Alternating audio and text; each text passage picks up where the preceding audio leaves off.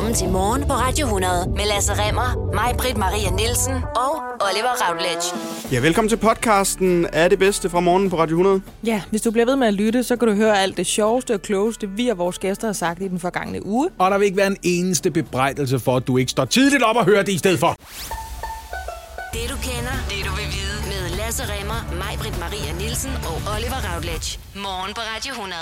Prøv lige at spørge mig, om jeg har været hjemme i Nordjylland her i Kristi Himmelfartsdagene. Har du været hjemme i Nordjylland her i Kristi Himmelfartsdagen? Nej, men jeg har fundet en historie for dig. Idiot. Kan få du irriterende. Hvad har du fundet, Oliver? øh, New York Times i tirsdags. Den har jeg lige fundet og bladret lidt i. Mm. Øh, fordi det er, har reciteret den. Øh, og de udkom i tirsdags med en artikel om Aalborg. What? Ja, den blev simpelthen omtalt i sådan meget flatterende vendinger af Aalborg. Var en det Tyren? By, og... Nej, det er ikke Kim på Tyren, men der er mange andre ting at tage, tage, tage, tage, tage gøre sig de, til i øh, Aalborg. Hvorfor de faldet over Aalborg? Jamen, det synes jeg var en pæn by, og den er, der er ret meget øh, ny, øh, hvad skal man sige, arkitektur i Aalborg. Var det den der café, der hedder Fringe? Nej, og det er heller ikke Café Ulla Terkelsen London, Nej. øh, som der også Som jo plejede i Brinne i Cairo. Ja, skal vi det er lige rigtigt. Men øhm, de kom altså ud med en, en artikel, hvor de sådan var øh, snakket godt om Aalborg. Ja. Så skulle man jo mene, at hvis et Aalborg bagefter vil sådan gå ud og sige, Nå, okay. Det, vil da bare være labber, labber, labber." Mm. Øh, de fortæller så bagefter til nordjyske, at de har ikke tænkt sig at sætte ind på det der amerikanske marked. Altså har det noget at gøre med, at det måske ikke er så meget amerikanerne, de er bange for at kommunikere til, men måske mere nordjyder, som tænker ved sig selv, så skal jeg ikke til Aalborg. Nej. Det skal jeg ikke. Øhm, det bliver så overrendt. Men så kører vi nedad i stedet for, mutter. Men det skaber simpelthen øh, altså uro i, i Aalborg, eller i hvert fald øh, så har. Thomas Kastrup Larsen, som er borgmester i Aalborg, været mm. ude at sige, hvorfor i alverden har vi ikke tænkt os at udnytte, at New York Times skriver så godt om os, hvor til vi sætter Aalborg bare siger, nej, det, det har vi ikke tænkt os at udnytte overhovedet. Ej, hvor er der er jysk. flere grunde til det. De forklarer sig med, øhm, der er stadig øh, noget at arbejde med i Aalborg som turistmål. Eksempelvis så nævner de overfor i Nordjyske, at der, ikke, der går ikke nogen direkte fly fra USA til Aalborg. Nej, det gør der alligevel ikke. Det er Og nu kommer den bedste begrundelse så til, hvorfor man ikke har tænkt sig at gøre ved ved det lige nu. Ja. Der er altså mange restauranterne, som endnu ikke har menuer på engelsk. Skal vi, fanden er det skal, for vi, noget? skal vi lige genævne den café, der hedder Friends? Ja. Skal vi lige nævne den? Ej, hvor er det Det sjovt. bliver da ikke mere internationalt. Og gud, hvor er det jysk. Altså, det er med med altså hof-eksempler på, ah, skulle vi nu ikke lige... Ja. Altså, New York Times, en stor, altså jo nærmest international avis. Den avis, der ligger i receptionerne i hele verden rundt omkring, de nævner Bette Olleren. Ja. Og så tager man det ikke til sig. Gud, var det vanvittigt. Fordi, men det er jo klart, hvis ikke menuerne er på engelsk, altså så... Jamen, det er heller øh, ikke til. man- Det er utroligt, at New York Times overhovedet har kunne skrive noget om Aalborg. altså, at der overhovedet har været noget at forstå og finde. Ikke? Thomas Kastrup Larsen, han er heller ikke helt øh, tilfreds. De skal have et møde øh, i starten af den her uge, hvis et Aalborg Ah. og borgmesteren op. Øhm, han siger, jeg kan godt forstå argumenterne, men man kan flyve øh, fra Aalborg til Amsterdam, og Amsterdam Schiphol er en øh, rimelig stor lufthavn, hvor man så kan flyve videre til, til andre, øh, andre lande. Ja. Ja. Der er internationalt niveau på restauranterne i Aalborg. Selvfølgelig er der ting, vi kan forbedre, men Aalborg øh, har et godt produkt på det nuværende tidspunkt. Det siger borgmesteren altså. Jeg Sådan- tror, hvis jeg var borgmester i Aalborg, så havde jeg også lige indkaldt Visit Aalborg mm. øh, i en Outlook-mail og lige sagt, kan vi lige sætte os ned sammen? Men har det ikke også noget at gøre med sådan en kommune der, ikke? De vil vel støtte den lokale turistforening. Så nu øh, kan han ligesom komme og, og, og vride på skruerne og sige, hey, vi er faktisk nogen, der spytter i kassen. Så vil vi får, gerne have noget for det, ikke? De får 10 millioner kroner årligt, hvis et Aalborg af det, kommunen. Prøv at høre, det er 800.000 om måneden. Så tror jeg nok lige, Thomas Kastrup Larsen, han har ret til at komme til et møde og sige, hvad, skal I have 800.000 om måneden fortsat? Eller skal I ikke have 800.000 om måneden fortsat? Men prøv at høre, det er jo ikke fordi, I kender og elsker jo ikke mig for, at jeg bare elsker, øh, når staten blander sig i øh, folks business. Jamen, det kan du godt lide, det her ved det. Men lige her, der gør Thomas Kastrup Larsen sig vel til repræsentant for nærmest alle, der hører den her historie. Som er, Alle, der hører den her er historie, for som har en ikke? lille sans for en god forretning, tror Ja. jeg, at man tænker, Og det kan nordjyder sgu da om noget. det kan en god handel de med med. Ja. Come to Aalborg and see Jens Bang Stonehouse. Yes. It is very old. It is very old. You can also go down and watch the North Power. Uh, it is new building. We have It is built from up. the 1600 number. Yes. We also have a Very movie old. from the 19th called Den Erneste Erne med Sitze Babette Knudsen. And every every year, you know that big carnival in Rio. We have the same thing in Aalborg. By the way, der er nogen, der skal tippe New York Times af omkring middelfart. Det vil de elske derovre. It's got a city called Middlefart. Hvad er det? Mellem, mellembrud? Jeg har lige været en tur forbi politikken. De har nemlig talt med Christian Kok. Han er professor i retorik, og han er særligt klog på politisk argumentation. Det er han øh, på Københavns Universitet til daglig, og altså øh, på politikens sider her forleden. Øhm, og han har lige givet nogle fifs til, hvordan kan man genkende retoriske knep, politikere benytter sig af, når de debatterer med hinanden. Der er Ja. syv af slagsen, og jeg afslørede faktisk lige et af de knep, som Christian Kok mener, man lige skal være på vagt efter lige for et øjeblik siden. Og beskylde for at gå over for rødt? Ja, øh, vil opfinde motiver hos modstanderen, og det er jo sådan lidt en stråmandsting, ikke at gøre ja. at sige, det, det gør du jo bare fordi. Ja. Mm. Og så går man i gang med, og så lige pludselig, så er Oliver nødt til at forsvare sig selv på et punkt, vi aldrig nogensinde snakket om i første Åh, omgang. ja. Ja. Det er faktisk ikke rigtigt. Ja. Det er korrekt, måske jeg en enkelt gang har gået over for rødt, og så har jeg stjålet dagsordenen. Så hvis nu du for eksempel ville spørge mig, øh, hvorfor er det, du aldrig fylder mælk i vores tekøkkens kaffemaskine? Mm. Og jeg så siger, jamen det siger du kun for at dække over, at du aldrig øh, vasker hænder, når du er på toilettet. Så siger du, hvad mener du med det? Jeg vasker altid hænder. Og så snakker vi pludselig om det i stedet ja. for. Ja. Ja. Og men jeg jo nok øh, ville bruge knebet øh, lige så godt og kigge tilbage på dig og sige, den anklage kommer du med, fordi du er den, der minder mig tredje mest om Hitler i hele verden. så er du lige pludselig Hitler jo. Det var, øh, det var en homage.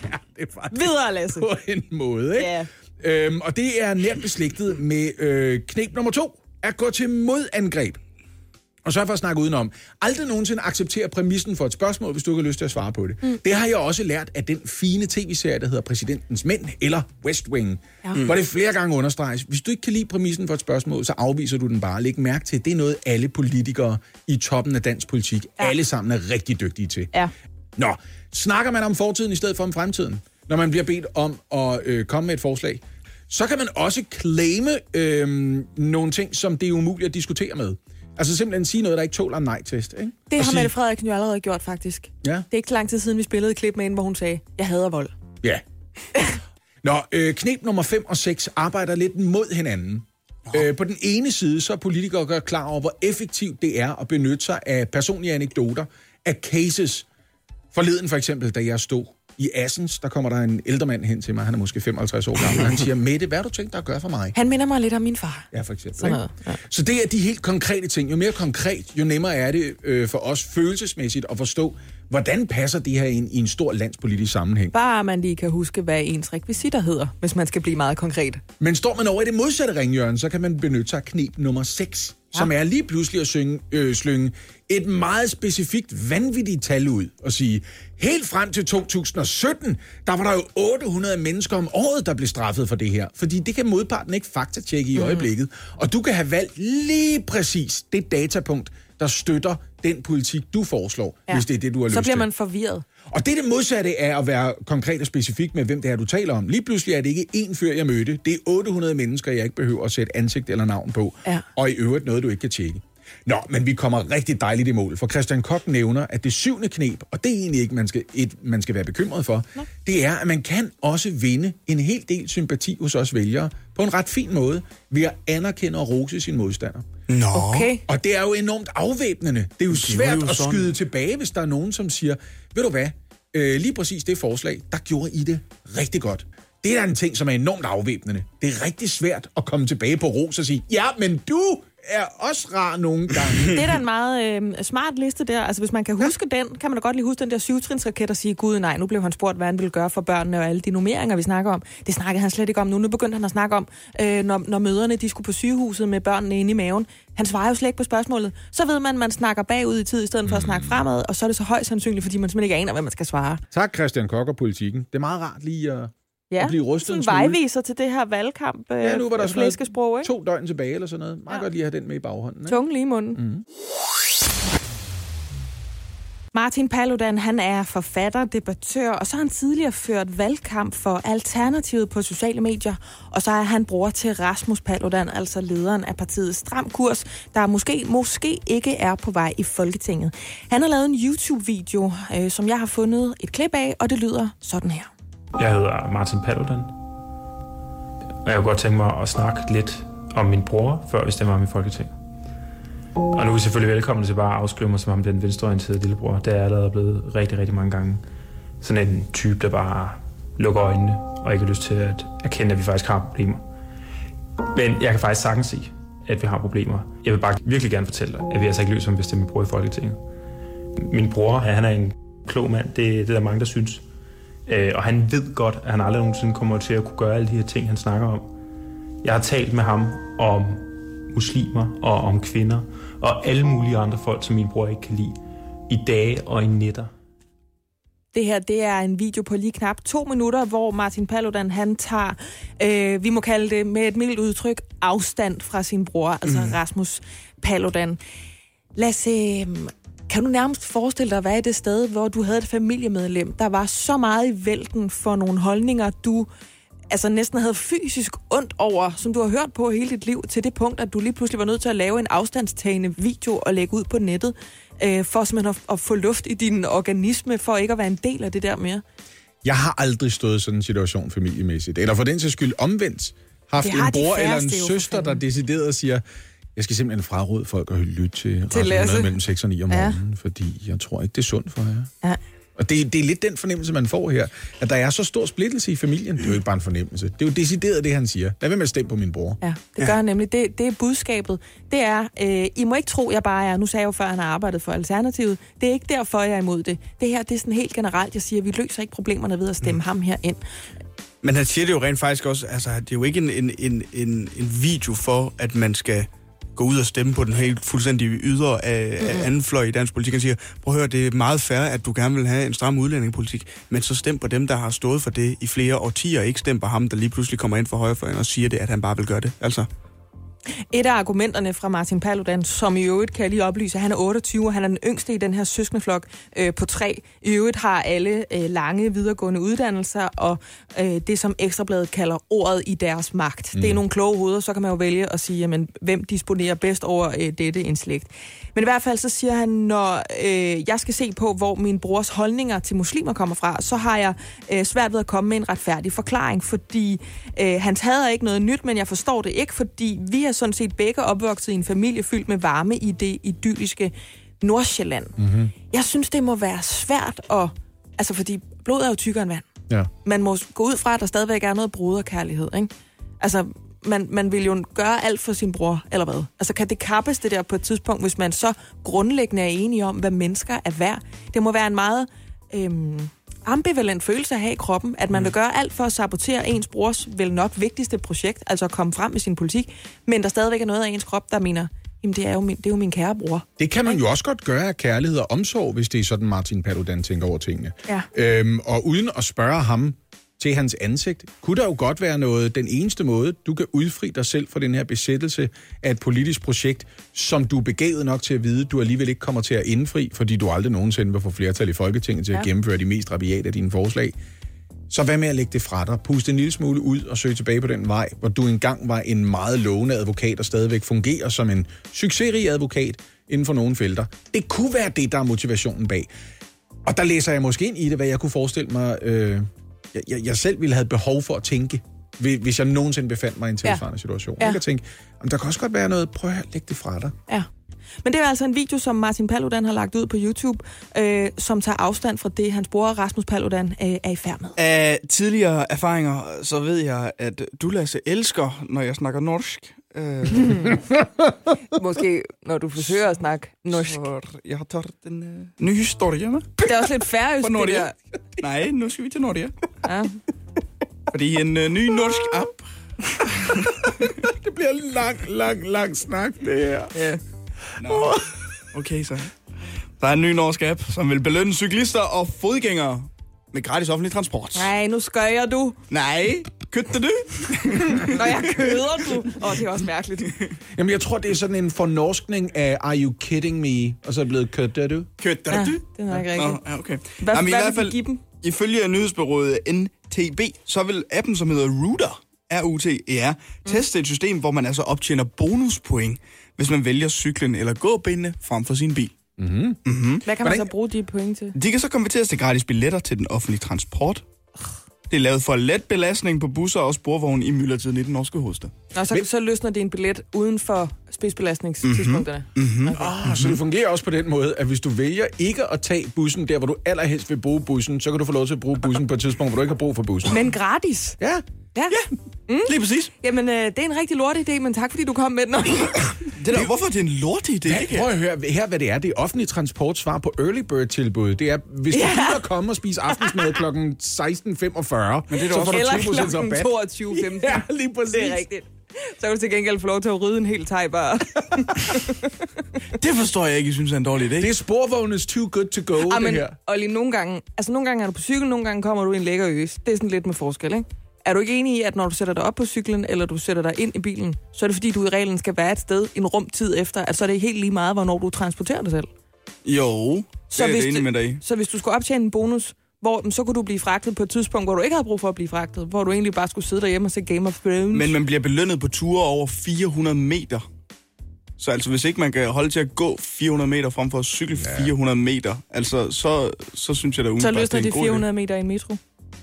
Jamen, så løsner det en tur i metro i hvert fald. Mm. Altså, jeg er jo ikke sur over det. Det er da dejligt. Jeg kan da godt se pointen med det. Jeg synes bare, det er sjovt. Jeg synes, det er skide skægt, at man siger, at det er som om, vi er for populære på nogle tidspunkter. Så Ja. hvis du kan lade være med at bruge os der, så kan du få lov til at bruge os, når der ikke er nogen der. Men nu skal vi også... Det kan jo godt være faktisk, at der er nogen. Det er jo ligesom, når ældre mennesker, de godt kan lide at gå ned og handle klokken halv fire til klokken halv fem, fordi ja. så sker der der noget i deres dag. Så kan de kigge på alle de stressede øh, familie, øh, mor og far, mm-hmm. øh, typer, der er nede mm. og købe ind, fordi det er der, de er fri, ikke? Måske var der nogen rent faktisk, der godt kunne transportere sig selv på et andet side. Ja, ja, selvfølgelig. Det giver da mening på den måde. Men det er lidt ligesom at lave en app, som siger, hvis jeg kan se på den her GPS, at du har gået en tur uden om Tivoli fredag aften kl. 21.50, lige før fredagsrock, så kan der komme gratis ind lørdag formiddag. altså, det, det, er da- det er da dejligt. Det kan jeg da godt forstå. Det er da fedt. Det er da federe end ikke at komme gratis i Men det Tivoli. er da skønt, at der er en app, der lige pludselig øh, strækker sig ud over sin egen næsetip og siger, vi behøver ikke tjene penge på jer i den her, i det her og vi vil gerne gøre noget godt for klimaet. Bang. Jeg er heller ikke sur over det. Nej, jeg jeg synes bare, det er sjovt. Det Jeg er sjovt, det er en sjov incitamentstruktur i virkeligheden. Ja. Jeg synes, det er en herlig idé. Men altså, jeg kan jo slet ikke huske, hvordan det er at være på cykel. Jeg har jo en bil, ikke? Som jeg nu har haft i hvad, tre uger. Ja. Og den har du jo købt, fordi du hader jorden. Det skal vi være enige om. Og cyklister og ben. Jeg vil da 100% flytte ind i den der etanitklods, vi har som genbo her på radioen, hvis der var ejerlejligheder derovre. 100%. Hvis de gjorde det lidt lækkert. Så vil jeg også bo lige ved siden af et trampolincenter. Det er sådan en jump. Ja. Jeg leder med mig gerne en jump med dig. Shit, det gad jeg godt at Kan sige. du, hvorfor har vi så ikke gjort det for længst? Jeg har en idé. Kan man forestille sig, at man laver radio, mens man hopper? Eller det, er det dårlig radio? Det kunne godt være, det var dårlig radio, men jeg kan stadig godt forestille mig det. Jeg kan godt lide ideen på en eller anden måde. Vi Hvis vores det program til flytter med, vi sender lige en mail. Ja, hvis Ja, ja. Ja, send lige en god mail. Hjælp en, du holder af med at tage det første skridt til bedre hørelse. Få et gratis og uforpligtende hørebesøg af Audionovas mobile hørecenter. Så klarer vi det hele ved første besøg, tryk dig nemt i eget hjem. Bestil et gratis hørebesøg på audionova.dk eller ring 70 60 66 66. Og Lars Løkke Rasmussen, vi skal nok lade være med at snakke om cigaretter i 20 minutter her til morgen, fordi øh, det ved jeg, det synes du er noget fis at bruge al øh, taletiden på. Men vi er nødt til at berøre det alligevel, fordi I i Venstre har jo lavet en plan på ni punkter, som skal komme et stigende antal unge rygere til livs, og altså sikre, hvis det står til jer, Faktisk en, holde det med live, var tanken jo. en, Ja. ja. Ja, man, ja, ja, det kan man sige, det kan ja. man sige. Øh, men i hvert fald sikre en røgfri generation i 2030. Øh, og den plan, den dikterer blandt andet, at en pakke cigaretter skal koste 60 kroner. Det afskærer vel altså den dårligst stillede del af befolkningen, selvom det er dumt, det er vi enige om, hvis man prioriterer at ryge, altså fra andre indkøb eller fra at ryge, synes du det er særlig øh, liberalt, eller er det sådan en form for øh, kvægdrift bare med cigaretter? Jeg synes, det er nødvendigt. Altså, øh, rygning er en dræber. Øh, nu snakker vi om det med, at kræftbehandling er blevet bedre. Det er den også. Øh, men men øh, vi er også bare nødt til at gøre noget for at forebygge kræft. Der er 40 unge, der starter med at ryge hver dag. Og helt ærligt, altså, det er billigere at starte med at ryge i dag, end det var dengang jeg gjorde det. Altså, det er det. Og, og, og det går simpelthen ikke. Det er vi nødt til at gøre noget. Er du selv stoppet? Nej, og det er jo bare et levende bevis på, at det er sværere at stoppe, end at lade være med at begynde. Det er også det, jeg har messet til alle mine tre børn, og ingen af dem er startet. Jeg har sagt, I skal ikke gøre, som jeg gør.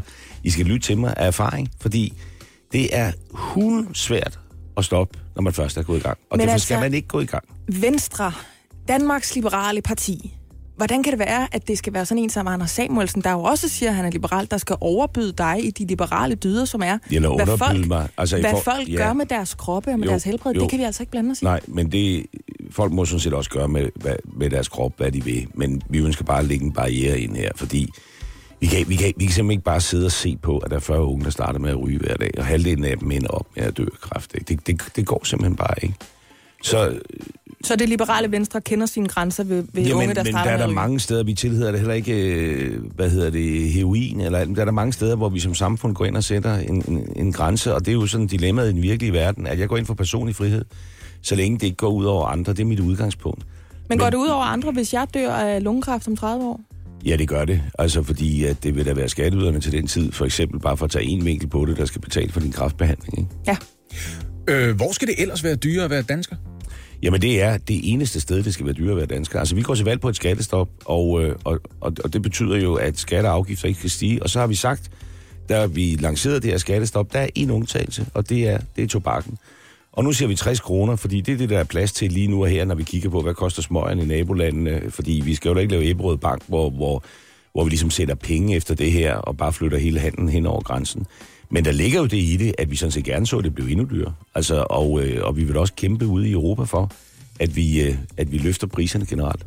Det er altså den eneste grund til, at smøger for eksempel ikke skal være dyrere. Det er, at, at der er også noget, som hedder, så bor der bare i Padborg, smutter lige over på den Ja, anden side. 60 kroner, det er sådan cirka der. Altså, det giver stadigvæk et lille plus til statskassen, mellem omkring, tror jeg, en 400 millioner kroner, måske, som vi så har sagt, at vi gerne investere i sundhedsvæsenet.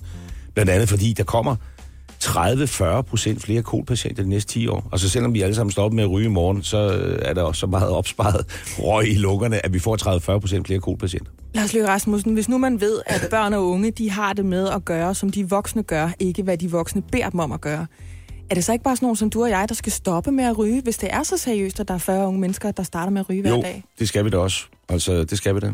Øh, og hvis ikke vi gør det, så beviser det bare, hvor svært det er. Og derfor så er det bedste, vi kan gøre for de kommende generationer, det er at sørge for, at de ikke starter. Det lyder som om, I kan få noget mængderabat på noget nikotintyggegummi, hvis I to begynder at Jamen, snakke. vi, øh, vi tager hinanden i armen om lidt, og så går vi ned i, øh, i en kiosk, og så plastrer vi os til. Jeg er jo 100% frelst. Jeg stoppede for en uge siden. Ja. Så, øh, For en uge ja, siden. Ja, ja, Fantastisk, jeg, for, ja. ja, jeg begyndte også for tre år siden. Ja. Jeg valgte at begynde som 42 år, skal Ja, men Så, det er nok også nemmere at stoppe så, hvis man starter sent. Jeg stoppede i en uge, og nu er jeg så begyndt igen. Det fejrede du med en cigaret. Lige præcis. Og nu skal vi til øh, det sidste spørgesegment, her statsminister, som vi har valgt at kalde udlændinge. Fordi det er jo også noget af det, valget det handler om. Du nævnte selv øh, nogle øh, ekstreme fløje, øh, som har en, kan man sige, en tendens til at overbyde hinanden måske lige for tiden. Men du har altså også meldt dig på banen med et forslag. Du foreslår, at lige knap 1600 kroner mindre skal det løsne i kontanthjælp, hvis indvandrere med en ikke-vestlig baggrund ikke kan tale et operativt dansk. Tror du ikke, at den gruppe af mennesker, som har været parkeret længe på kontanthjælp, altså ikke allerede har bevist, at de ikke har et problem med at leve af lidt? Altså det, jeg tænker på, det er, tror du, den gruppe, særligt af kvinderne, de her 2500 til 3000 kvinder, som aldrig har været på arbejdsmarkedet i Danmark, de rejser sig fra sofaen og slukker for Al Jazeera og spænder ud på arbejdsmarkedet, hvis de skal leve af 1600 mindre om måneden? Der skal nok lidt mere til end det også, ikke? Og, og derfor starter det her forslag jo et andet sted. Altså det starter med at sige, at de her mennesker skal tilbydes noget gratis dansk undervisning, og kommunerne har et ansvar for at presse dem til at gå til det. Fordi nu har vi fået styr på tilstrømmen. Der kommer lavest antal asylansøgere til Danmark, vi har set i 10 år, og vi møder dem på en helt ny og forventningsfuld måde med integrationsydelse og integrationsgrunduddannelse. Dobbelt så mange som for tre år siden tjener deres egen penge efter tre år i Danmark. Det er rigtig, rigtig godt beskæftigelsen er tårnhøj, og det er også derfor, vi nu har chancen for at gøre noget ved et problem, som vi bare har lavet vokse i, i generationer. Ikke? Og det er rigtigt, der sidder 3.000 med ikke-vestlig baggrund, som har været på kontanthjælp i 10 år eller mere. Og når man går ud i nogle af de her belastede boligområder, så er det 8 ud af 10, der ikke er på arbejde. Og, og vi skal simpelthen bruge de gode tider til at få dem med. Og det er derfor, vi siger, nu må kommunerne gå de her kontanthjælpsmodtagere igennem, øh, finde ud af, hvem der er hvem, hvem har et sprogligt problem, så skal man bruge næste år på at give dem noget dansk undervisning. Og det lille pres, der så skal ligge, det er, at hvis ikke der er styr på det øh, inden øh, 2021, så laver vi det her fradrag. Som er et spejlbillede på noget, vi har gjort over på integrationsydelsen, for det der vi bare vendt det om. Der starter man med at få et ret lavt beløb, og hvis man så tager den her dansprøve, så, så får man 1600 kroner oveni. bonus. Ja. ja. Og det, og det virker, og det er jo sådan set den samme tanke, vi vil lægge ind her. Og min ambition er jo, at vi skal jo på en eller anden måde have, have, have åbnet de der hjem op for at få de her mennesker i arbejde, men jo i øvrigt også for at, at få dem til at være en del af det omkringliggende samfund. Men Lars Løkke Rasmussen, kæmper du ikke mod altså, kulturelle muskler? Tror du, det er penge, der kommer til at dæmme op for den opfattelse, at i en familie, der er der nogen, der er hjemme, og nogen, der er på Ja, arbejdsmarkedet? det tror jeg er en del af det. Altså, men, men, men det kan ikke stå alene, og der er selvfølgelig også nogle kommuner, der har svigtet, fordi kontanthjælp er en midlertidig ydelse, ikke? så det er jo helt galt, at man har lavet mennesker øh, sidde på sådan en ydelse i 10 år i træk, uden at give dem et puff. Ikke? Så det gør det ikke alene, men det, er en, men det er en del af det. Og jeg er slet ikke i tvivl om, at det vi har lavet i øvrigt med integrationsydelsen og kontanthjælpsloftet, det er jo en af grundene til, sammen med de gode tider i Danmark, at der er 45.000 flere med ikke-vestlig øh, øh, baggrund, der er i arbejde i dag, end da jeg blev statsminister. Og, og, og vi skal jo bruge de her gode tider til at få alle med. Vi har allerede talt om gode tider og råderum. Det kører godt for økonomien. Det gør for det. ikke? Du siger også, at vi har fået styr på tilstrømningen af asylansøgere. Er det på tide at lempe på reglerne for kvoteflygtninge igen? Ja, det er meget øh, lige rundt hjørne. Altså, fordi det er jo den rigtige måde at tage flygtninge ind på, at frem for, at det er dem, som har haft ressourcer til at, at, at, at, at betale sig via en menneskesmugler. Det bliver sådan lidt tilfældigt. Det er også noget med, at så er der en, der kommer op, og så laver du familiesammenføring bagefter, og, og en bliver til mange. Det var langt bedre at have, have styr på den her spontane tilvandring, og så tage ud i lejrene og håndplukke dem, der har øh, mest hjælp behov. Men måske også dem, hvor man tænker, de passer ind i Danmark. Altså fordi vi kan alligevel ikke hjælpe alle. Altså vi kan ikke hjælpe alle.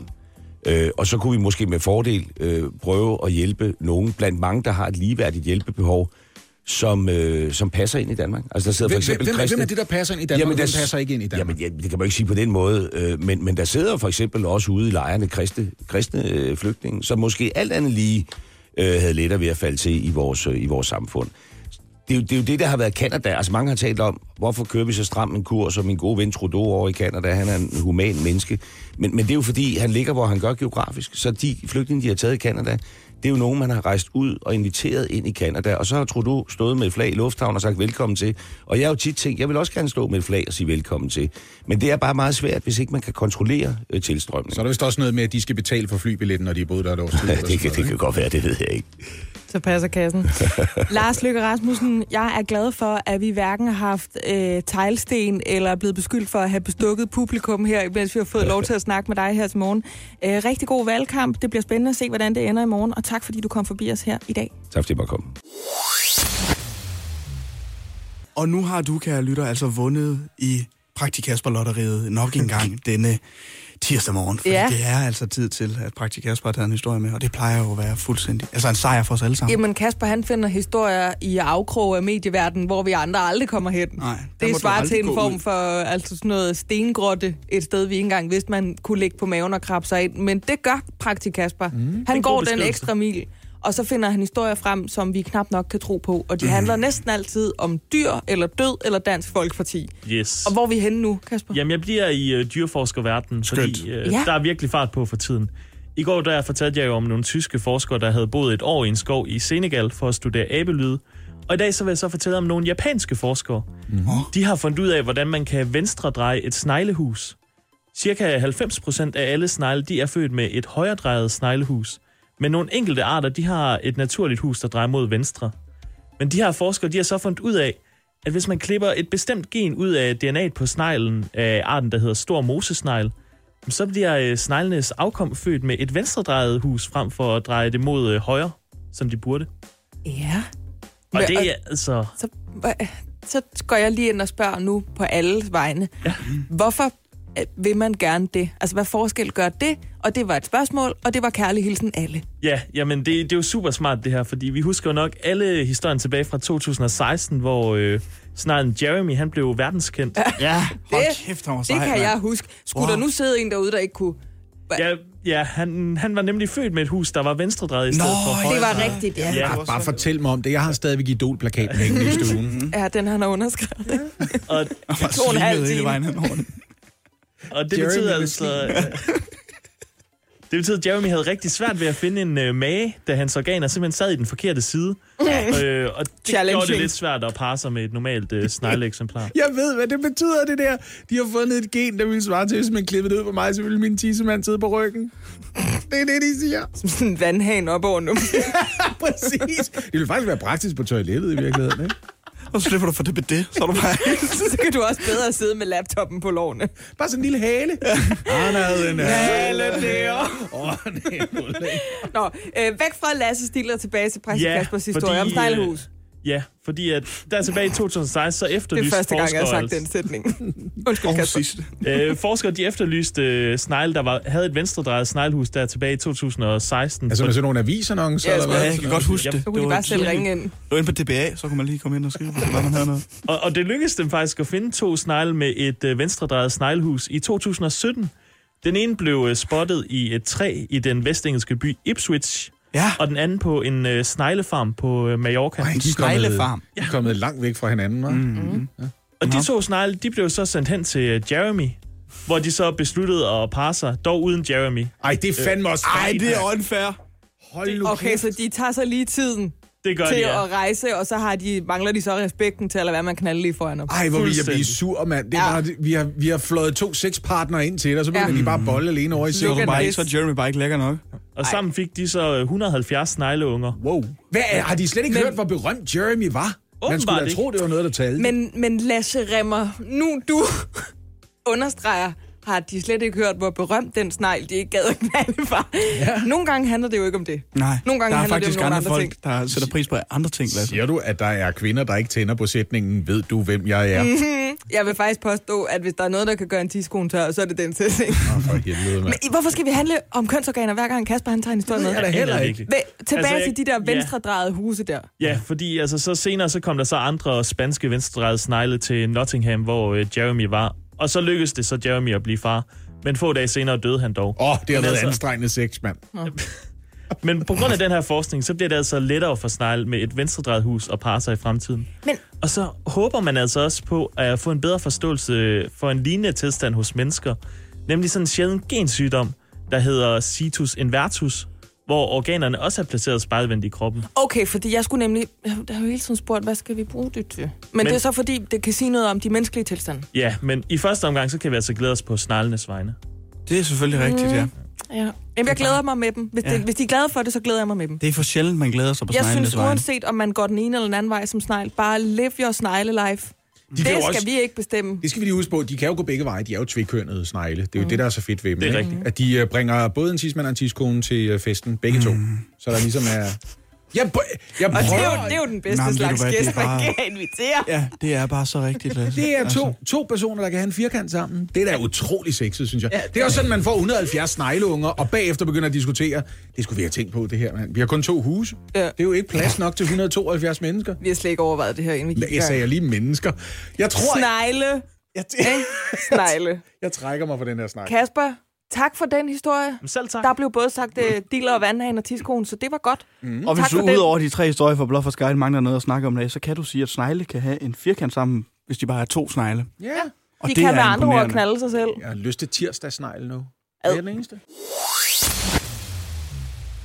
Der er en ting, jeg elsker ved den moderne medievirkelighed, og det er, at man behøver ikke sidde i sin sofa klar på lige præcis klokkeslættet 21.30 den 5. juni, når man tænder for sit fjernsyn, for for eksempel at se et program, som det, der hedder Forført af en falsk profil. Det er det første af fire programmer. Mm. Og hvad er det så for en drabelig fortælling, man får, hvis man tænder for sit fjernsyn kl. 21.30, eller som jeg beslutter sig for lige at streame programmet ved at lægge vejen forbi DR's streamingside.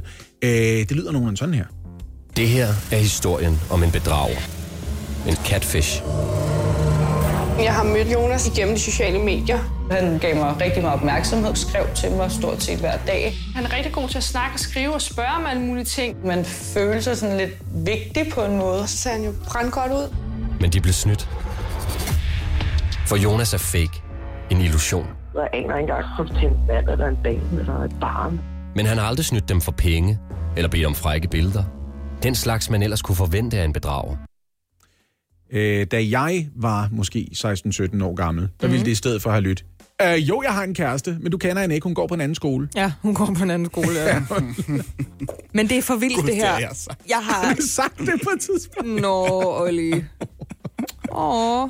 Vi har alle sammen haft lyst til at sige Jeg sagde, jo, jeg har venner. De går bare på en anden skole. Præcis. Er det ikke rigtigt? Det er så vildt, det her, fordi det er ligesom nogle gange, når man snakker om, øhm, afhængigheder, for lige at tage en analogi, der er lidt langt ude. Hvis man for eksempel er afhængig af mad, mm. så er det svært, fordi man skal jo have lidt mad. Man kan ikke bare stoppe fuldstændig. På samme måde, så tror jeg, det kan være rigtig svært for, for unge mennesker, også mig selv i virkeligheden, at styre rent på de sociale medier, fordi man skal jo have lidt sociale medier. Mm. Så det der med, det kan skride. Altså, da, den kæreste, som jeg har nu, vi fik da kontakt til hinanden sådan for alvor på sociale medier. Mm. For pokker. Han kunne da, nu vidste jeg så, at han var et rigtigt menneske i forvejen, men jeg har da før snakket med øh, både mænd og kvinder for den sags skyld, altså alle mulige forbindelser, uden at jeg rigtigt kunne sige, jamen jeg ved, det er et menneske af kød og blod, men det er den der gateway, der er i de sociale medier. Man behøver ikke at være en freak eller særlig dum, eller måske i virkeligheden specielt uopmærksom for, at man lige pludselig kommer til at, tale, at tale med en, som ikke er den, man tror. Vi har jo alle Ja, sammen en tilbøjelighed til at tro mere på ting, vi ville ønske var sande. Ja. Og det handler jo både om sociale ting, som for eksempel, her er et menneske, der viser interesse for mig. Det virker som et attraktivt menneske. Jeg tror på, at det menneske findes. Hvorfor Præcis. skulle jeg tro andet? Hvorfor skulle falder min man for være klar her fra starten? Ja. Se, uh, catfish-fænomenet er jo, som det også siges her i traileren for Forført af en falsk profil, altså det her DR2, øh, undskyld, DR dokumentarprogram. Mm. Øhm, det er øh, et begreb, som blev opfundet for en ni år siden i en dokumentarfilm, som hedder Catfish. Og der er en ung mand, som næsten forelsker sig i en pige, han møder på nettet. Ja. Men han gennemskuer så på et tidspunkt, den her unge kvinde, han har forelsket sig i, findes nok ikke i virkeligheden. Og, spoiler alert, til sidst finder Nev, hovedpersonen, som altså selv har lavet den her dokumentarfilm, frem til en midaldrende kvinde, der bor sammen med sin mand i et lille hus, ja. og prøver at finde ud af, hvorfor fanden opdigtede du en ung kvinde? Som jeg forelskede mig i. Ja, og, som mm. du, og det vidste du godt. Ja. Og, og du nød den anden halvdel af kærlighedsaffæren. Den kvindes mand snakker med Nev og siger, prøv at høre, når man øh, transporterer torsk, så dør torskene øh, i tanken, når man transporterer torskene, med mindre man smider nogle catfish, altså nogle maller, ned til dem. Og mallerne holder de her torsk i live. Ja. Så måske har min hustru været en form for malle for dig. Hun skaber noget liv omkring dig, som gør, at du ikke dør i tanken. Jeg skulle lige så sige, måske var det Nef, der havde været en form for malle for deres ægteskab. Det kunne det jo også godt Altså, være, hvis man- modsatte vej. Der er sådan en lille smule sporløs over det hele, ikke? Mm. Og jeg synes, sporløs er et dejligt program, men sporløs, Det kan man fungerer, lidt til, sporløs fungerer også på den måde, hvor man nogle gange tænker ved sig selv, vent lidt, hvis I havde gjort det der, der gjorde, at I fandt frem til personen som den første ting, så havde programmet været 8 minutter langt. Ja, ja. Og det har I nok gjort. Men programmet bliver lige fyldt lidt ud med alle Man blindgyderne. har solgt fire afsnit, ikke? I er næsten nødt til at finde på blindgyderne bagefter, for I kan ikke bare springe direkte til, Nå, men det er en, der hedder Brita, som bor i Herlev. Nej, jeg skulle til at sige, Jonas er i virkeligheden Jonna på 48 fra Herfølge. Og den stemning er der lidt i det første program. De går i gang med nogle ting, hvor de siger, vi skriver til en, som øh, arbejder i det træningscenter, hvor de her billeder er taget. Men det viser sig, at de vil ikke udlevere oplysninger om de mennesker, som træner. Nej, selvfølgelig vil det, og det vidste de godt. Ja. Det er ikke sådan, I kommer til at finde ud af, hvem fanden fyren er. Videre i programmet. Ja, lige præcis. Ikke? Ja. Men ellers, så er det ret... at Det er svært at kigge væk, ikke? Det er lidt trainwreck Jeg elsker sådan noget der, men det er også fordi, det er relatable. Det kunne have været en af os. Ja, lige præcis. Ja. For otte minutter siden, Majbrit, der gjorde du sådan, at Lasse og jeg, vi kom til at sidde og kigge lidt på hinanden og tænke, uh, skal vi, skal vi til at hoppe ned på cyklen og bilen bagefter? Fordi nu kommer der Nu kommer en der. af en meddelelse omkring, hvorfor vi ikke må glæde os over det i grundlovsdag. Jamen, det er åbenbart slet ikke demokratiets festdag. Jeg vidste det godt lidt i forvejen, men jeg har undersøgt det til bunds nu, øh, for min egen skyld, og selvfølgelig også for lytterne. Mm. Fordi det, vi fejrer, når vi fejrer grundlovsdag, det er jo den første grundlov, den der også hedder junigrundloven, og det hedder den, fordi den blev underskrevet den 5. juni i 1849 af Frederik den 7. Og det må have været svært at sætte øh, den øh, krusedule, fordi der gik vi fra enevælde til det, der hedder konstituelt monarki, og så blev, kan man sige, regentens rolle mere og mere udtømt. Hvis man var lidt fræk, så kunne man sige, at det der REG-punktum, der står i toppen af vores grundlov, det kunne stå for, for regering mere end regent. Mm. Men det er en anden snak, hvis der sidder nogen fra konservative ungdom og lytter med.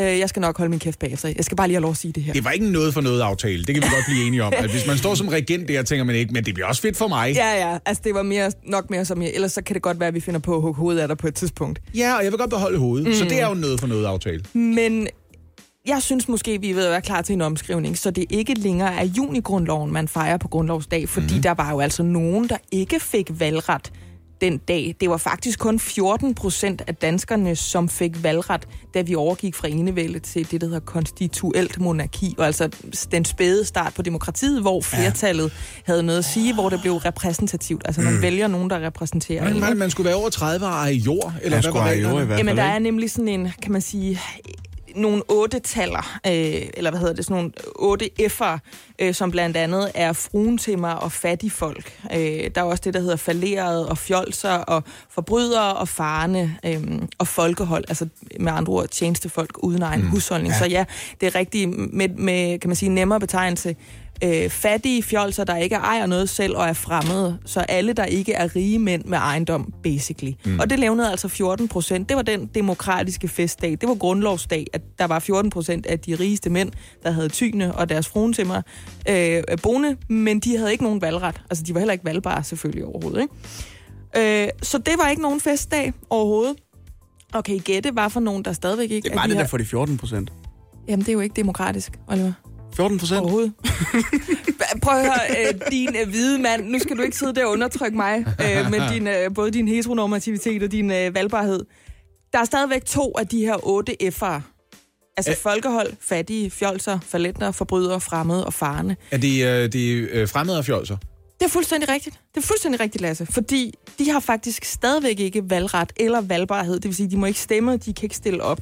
Øh, fordi fjolser, altså det er jo et grimt ord for det, vi i dag kalder umyndiggjorte, og det rummer cirka 2.000 mennesker i dag. Det er som regel øh, psykisk, meget psykisk lidende eller udviklingshemmede, øh, som er umyndiggjorte, øh, som ikke må stemme. Typisk så er de under det, der hedder et paragraf 6 vævemål. Det vil sige, at der er nogen, der styrer deres penge, fordi Ja. det kan de ikke selv. Hvis man lider af meget grov ludomani, kan man faktisk også falde ind under det her paragraf 6 vævemål.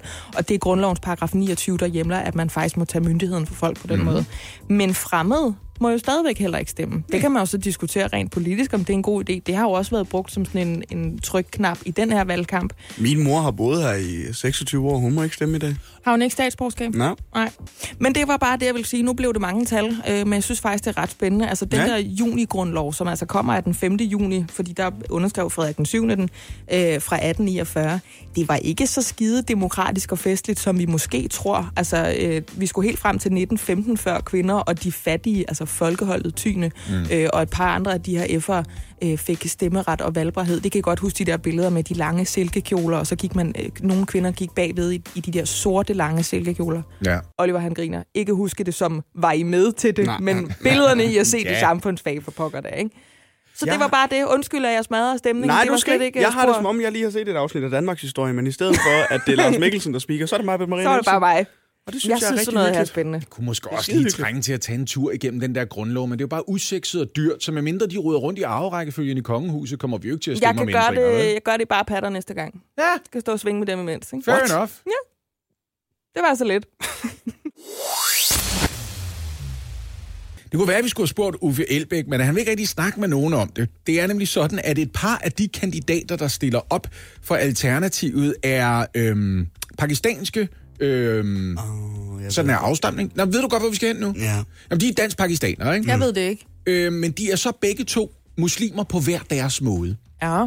Øhm, og de to kandidater hedder Shahzad Riaz og Kashif Ahmad. Ja. Og de tilhører to forskellige grene af islam. Og de er kommet op og toppes, uden at nogen af dem rigtig vil tage ansvaret for, at det er dem selv, der har gjort det. Og Uffe vil ikke kommentere på det. Han vil ikke rigtig snakke om det, vel? Nå. Prøv at høre. Grunden til, at det er vigtigt, de dansk-pakistanske, det er, at øh, den ene af dem, Kashif Ahmad, han er det, der hedder Ahmadiyya-muslim. Mm. Ved I, hvad det er? Ja, prøv øh, øh, genopfrisk med Det er så fedt, at jeg lige kan gå ind og genopfriske det, det, det der, fordi... Ja. Det, de muslimer i, i Danmark, der rent... De pakistanere i Danmark, der muligvis går ind for eksempel og rydder op på Rådhuspladsen den 1. januar. Det er faktisk rigtigt, men ja. vi er faktisk nogen, som har haft ret godt styr på det her i 8-10 minutter, så lad mig lige sætte jer ind i det. Ahmadiyya-muslimer øh, tilhører en lille bitte gren øh, af islam, som opstod for cirka 100 år siden, da der var en fyr i Punjab-provinsen, øh, som sagde, jeg er Messias. Jeg er ham, vi alle sammen har ventet på. Og han hed sjovt nok Ahmad. Og jeg befaler jer at rydde op på Rådhuspladsen. Eller hvad? Ja, men det har han måske ikke snakket så meget om. Men mm. det, det er også en charmeoffensiv, man ligesom har sat ind der. Okay. Skulle man lave en eller anden form for reference, så vil jeg have lyst til at sige, ligger de ikke sådan lige i omegnen, hvis vi snakker kristendom, lige i omegnen af mormonerne på en måde? Ikke? Okay, på den måde, ja. Ja, hvor der og hvad så dukker med en ham fyr op anden? meget sent og siger, det er mig, vi har ventet på alle sammen. Ja, ikke? hva, og hvad med ham den anden der? Som, hvad, hvad, hvilken gren tror han på? Nu går jeg bare direkte ind og gætter. Der er nok n- 90% sandsynlighed for, at han er sunni-muslim, fordi det er de fleste muslimer. Ikke? Ja. Øhm, så er der 10% shia-muslimer. Sunni og shia, som jo tit kommer op og toppes, mm. de var oprindeligt uenige om, hvem er aftageren til øh, Mohammed i Ja, sin tid. Ikke? Skulle det være hans svigerfar eller hans svigersøn? Som pudsigt nok også Men det er jo for fanden ikke det, fætter, de to kandidater er blevet uvenner om. Det, må, Det er de Jeg ikke. håber, det er noget politisk. De er kommet op og toppe som en løbeseddel, og var det dejligt, du spørger det her, for det er en ret vild løbeseddel. Fordi på løbesedlen, der står der skrevet på Urdu, altså det pakistanske skriftsprog, ja. der står der afvis Qadiani, kandidat Kashif Ahmad. Qadiani er et nedsættende udtryk om øh, Ahmadiyya-muslimer. What? Afvis Kashif Ahmad. Fordi Kashif Ahmad er tilhænger af sådan en løgnagtig profet og falsk falser. Det er Ahmad. Det er ham, der grundlægger. Står det der på en, på en løbeseddel? Ja, ja, ja, og det fortsætter. Fordi Kashif Ahmad er tilhænger af sådan en løgn- løgnagtig profet og falsk frelser, som har hånet Mohammed og Kristus, fred være med dem. Han har fornærmet muslimer og kristne for Guds skyld, vis ære og få Shahzad Riyaz valgt. Står der altså på urdu på de her løbesedler, øh, som er dukket op i det københavnske Det tror jeg ikke, jeg bryder mig om, det der. Det er ret vildt, ikke? Ja. Mm. Men ved I hvad? En af årsagerne gætter jeg på, øh, til at øh, Uffe Elbæk, han ikke har ville snakke om det her, det er, at stort set med det samme, de her løbesedler er dukket op, så skete der noget lidt vildt. Mm. Øh, Shahzad Riyaz, altså manden, som man opfordres til at stemme på, på den her løbeseddel, Ja. han skrev selv på Facebook, at der er simpelthen udemokratiske kræfter på spil. Jeg har ikke noget med den her løbeseddel at gøre. Nå, jeg tager afstand fra den. Ja. Jeg synes bare, at folk de skal stemme i overensstemmelse med deres egen overbevisning osv. Selvfølgelig. Og jeg snakker med Kashif om det, og vi prøver lige at finde ud om, øh, hvad fanden vi gør ved det her. Men vil du ikke godt hjælpe mig med at sætte en stopper for de her løbesedler? Godt, så det er ikke manden selv, der stiller op og har en, man kan sige, en modkandidat eller en medkandidat i Alternativet, der har produceret det her. Det er nogen, der har gjort det løgnagtigt under hans navn. Men der er åbenbart sådan en fraktion af dansk-pakistanere, som virkelig er op at køre over det her. Ikke? Okay. Fordi det er sådan i Pakistan for eksempel, der må man ikke kalde sig muslim, hvis man er Ahmadiyya-muslim. Det må man ikke. Øh, man er så hissigt modstander i Pakistan i det ja. hele taget, Ja. at lige præcis den her forgrening, at det decideret er noget, folk de kommer så meget op og toppes om, at, at man kan blive slået ihjel, hvis man stiller sig op og siger, jeg er altså Ahmadiyya-muslim. Hvor er det dog heldigt, at det her er et politisk, demokratisk valg, og vi ikke på den måde kærer som religion. Ja, altså det er i hvert fald dejligt at se, at nærmest med det samme det her sker, så fyren, som man opfordres til at stemme på, han skriver altså det stedet selv på Facebook. Jeg vil gerne understrege, det er ikke mig eller min kampagnestab, Ja. der på nogen måde har fremsat de her rygter, eller lavet løbesedler, eller frarådet, man skulle stemme Hvor på er det ærgerligt, at sådan noget som et demokratisk, altså politisk valg, som kunne lufte ud i den, den del af de kulturforskelle, vi er allermest trætte af, når det kommer til indvandrere i Danmark, skal ind og forpure sådan en fin, fin proces, som det jo er, til trods for, hvad jeg lige sagde om grundlovsdag. Ja. Hvor er det pisseirriterende, at der er nogen, der skal ødelægge det på den måde. Og Men godt, han for tager ham og Shahzad også for den Ja. Ja. sags skyld. Ikke? Det er da Ja. ja. fint, at han kommer ud og tager afstand. Det er jo svært at sætte sig ind i, hvad ville det betyde i Danmark? Det var nogle katolikker, der sender en løbeseddel ud, som siger, lad være med at stemme på den vimlige protestant. Ja. Det er jo noget mærkeligt Jamen, noget, det, det hører ingen sted hjemme. ikke? I hvert fald ikke i Danmark. Godt, det er bare en and. Ja, det er fame dejligt. Ja. Ja. Hold dem sammen, de løbesedler, og smid dem ud, i stedet for at få dem oversat. Der er ikke nogen, der er mere værd end andre, i hvert fald når vi finder ud af, hvem der skal repræsentere os. Og det er måske en lektie, som en kinesisk født fyr, som bor i Barcelona, burde have lært, før han endte i retten for nylig. At For der nu- ikke er nogen, der er mere værd end andre. Ja, nu vil jeg gerne fortælle jer historien om Han Huaren. Ja. Mm. Han har en YouTube-kanal, øh, som hedder Reset. Eller det vil sige, det har han ikke længere. Mm. For han plejede at trække over Han en blev million følgere til. Ja, men jeg skal nok komme frem til det, men det, ved du, der er en super lykkelig slutning på alt det Nå, her. Men vi skal så meget mig. roligt galt igennem, Jeg mig for at komme frem til den. Over en million følgere, og det Han Huaren Reset, som han også kan- også kalder sig, mm. fyldte sin YouTube-kanal med. Det var blandt andet challenges, han tog imod i kommentarsporene fra sine over en million følgere, som for eksempel sagde, kunne det ikke være grineren, hvis du gør det her og lavede en video med det? Og så kan Nå, vi kigge på det alle sammen. Æd en regnorm og film det. Se, det kunne være fedt, hvis det var det. Nå, Nå, hvad var det så for nogle challenges, han tog imod ham der? Nå, men det han for eksempel øh, havde sat sig for, det var, kunne det ikke være griner, hvis man tog sådan nogle, sådan nogle øh, Oreos, og så lige skraber fyldet ud, og så i stedet for fyldet, fordi det er jo hvidt, så kommer man noget tandpasta ind i stedet for. Uha. Kunne det ikke være sjovt? Åh, det var godt, du sagde tandpasta. Det er jo egentlig lidt det samme, som hvis man bare åd tandpasta, hvis det var en selv, der gjorde det. Ja. Men så er det jo kun sjovt, hvis man giver det til nogen, der ikke ved, det er tandpasta. Det kan være lidt farligt jo faktisk, ikke? Altså, man, må, man får ondt i maven, hvis man spiser tandpasta. Ja, det er jo vemmeligt i det hele taget, men Ja. det bliver vemmeligere endnu. Mm. Han Huayren, 19 år gammel, da han lavede den her YouTube-video, han erstatter altså cremen i de her Oreo-kiks med tandpasta, og så går han ud og filmer sig selv, da han uden for et supermarked finder en hjemløs mand. Åh oh, nej, nu bliver det grim historie. Det er det, jeg siger, ja. Vi skal så meget grueligt galt Ja. igennem, ikke? Ja. Den her hjemløse mand, han er i midten af 50'erne, han er fra Rumænien, der arbejder han som hyrde, og så emigrerede han til Barcelona i håb om et bedre liv, og det er ikke blevet bedre for ham. Han sidder og tigger uden for det her supermarked. Ja. Så går Han Huat, han går hen og afleverer en 20 euro seddel sammen med de her kiks. Og så filmer han bare, hvad der sker Nej, bagefter. det, ej. Da han bliver trukket i retten sidenhen, og det gjorde han var, så nu spoler jeg lidt frem til slutningen for at forklare, hvad der skete sidenhen. Ja. Der forsvarer han sig på den her måde. Men Jeg gør det for at skabe en scene, fordi folk de kan godt lide noget, der er lidt langt ude. Altså, det kan de godt lide på en måde. Der sker det, da den øh, midalderne hjemløse rumæner, som han har givet kiksene til, da han har spist dem, så kaster han op. Ja. Mm, Ja, det er jo super ulækkert. Han har ikke forventet, det smager sådan, og derudover, det er jo bare super vemmeligt Ja, ja. at spise det her. Og det synes han var egentlig er lidt grineren, for hen mod slutningen af videoen, som han fik ret travlt med at slette bagefter, der får han sagt, altså på den anden side, ikke? det kan godt være, det er langt ude, ikke?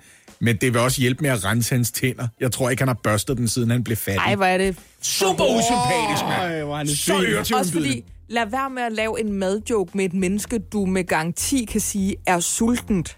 Altså, Præcis. det var ikke sjovt. Præcis, der er så lidt ved det her, der er sjovt, Ja, ikke? ja. Og det bliver værre endnu. Fordi de der YouTube-annoncer betød, at alene på den her video, der er Hangwa, han har tjent i hvert fald 15.000 kroner, i hvert fald 20.000 euro, i hvert fald 100 gange så meget, som han gav til den hjemløse fyr. Hvad mm. gør han så, da han opdager, at det her, det er altså noget, som den hjemløse fyrs familie også finder ud af at spore tilbage til Reset-kanalen? Han går tilbage til fyren og siger, her er 20 euro til. Nej, Hvad? Så prøver han at bestikke den hjemløse mands datter med 300 euro i et forsøg så på at få giv dem dem til at dog lægge alle pengene og læg dig fladt ned. Som minimum da. Ja, ja. Som minimum.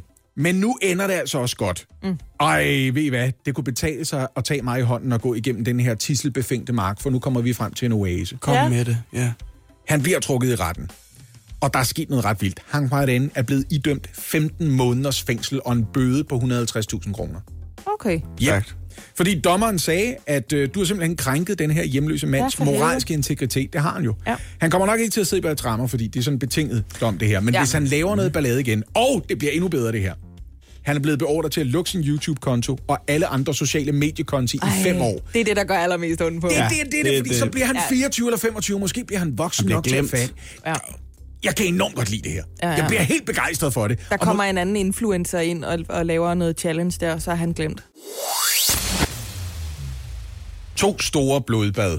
To partier, som for alvor fik nakkedrag af vælgerne ved Folketingsvalget i går, ja. var henholdsvis Dansk Folkeparti og Liberal Alliance. Det betyder, at der er en masse politikere, vi har vendt os til at kigge på og til at høre på, som vi ikke skal lytte helt så meget til, fordi de ikke får den der mikrofon, der følger med en plads i Folketinget. Vi skal mere følge dem med øjnene og se, hvilken øh, fin konsulentstilling de skal have i det private erhvervsliv lige om lidt. Nå, men spørgsmålet er, om der står en NGO et eller andet sted og har brug for en lobbyist, der hedder Martin Henriksen eller Kenneth Christensen Bært. Det er Ja. et par af de store navne for Dansk Folkeparti, som lige nu ser ud, som om de er ude på røv og albuer. Men Lasse, der er jo også en anden. Der er Liberal Alliance gået fra 13 mandater til 4. 9 mandater Jamen, de bliver har simpelthen fået- skåret væk. Så mange pryl i valgflæsket, at det fatter man slet ikke. Det er jo ikke engang nok til at have en kageordning. Nej, det er det ikke. Det er det ikke. Stiller man op med fire mandater? Ja. Joachim B. Olsen rører ud, kuglestøderen, forhat af mange, Ja. ja. respekteret af andre, ikke mindst politiske modstandere. Gokke Ja. ja. Jokke, ikke? Ja, Gokke Virkede Jokke. ikke for ham. Nej, han Der er skulle... mange, der har været provokeret over hans attitude, men problemet med Joachim B. Olsen, det er, når han hiver tal op af lommen, så har han kraftet med altid ret. Ja, han er nemlig ret. Det er Ja. ja. hver gang. Det er så øretævnbydende, når Ja, ja, og folk det ikke er til at også skyde igennem Og deres det kan jeg godt forstå. skide argumenter, Ja. ja. mand. De bare kommer mere Med alt kendsgerninger. dit fakta og dit lort, du har med.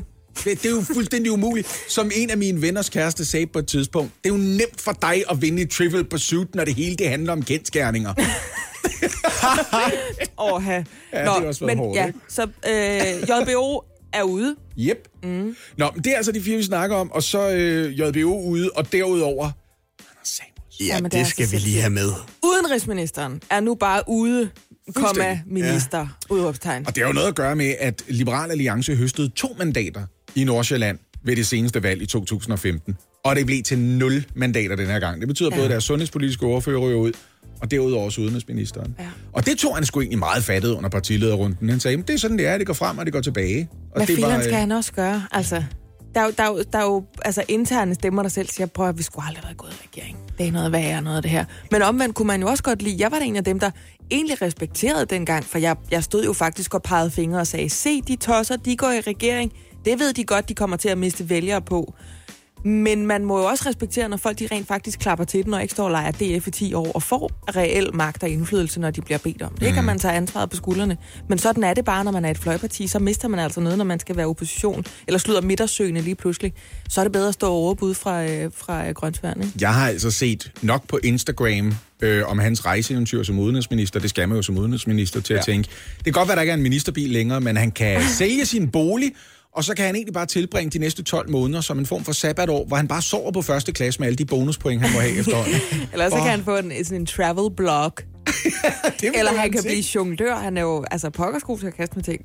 Men det er ikke et problem som sådan for Liberal Alliance på samme måde, som det har været det for Annette Wilhelmsen og SF i sin tid. Hun sad jo heller ikke i Folketinget, da de valgte hende som formand. Nej. For jeg har fået det her at vide om Liberal Alliance. De vælger deres politiske formand blandt folketingsmandaterne. Så det vil sige, at det bliver altså en af de fire, der er blevet oh. stemt ind i Folketinget, ja. Som kan se frem til at blive formand for Liberal Alliance. Det kan godt være, det først sker på et landsmøde, og indtil da, der er det Leif Mikkelsen, der er heller ikke så Folketinget længere, Mm-mm. som så kommer til at være de facto hedder det formand. så konstituerende formand, eller skal Anders Samuelsen partout kunne sige? Eddermame, det vil være et problem for et lille bitte presset parti, hvis de ikke lynhurtigt finder ud af, hvem fanden bliver den nye formand. Fordi Anders Samuelsen kan ikke stå og råbe ude fra trappen og sige, Nej. jeg har ikke noget ID-kort længere, og de vil ikke lukke mig ind. men, her vil jeg synes, virker den her ikke? mit, mit kort plejede du.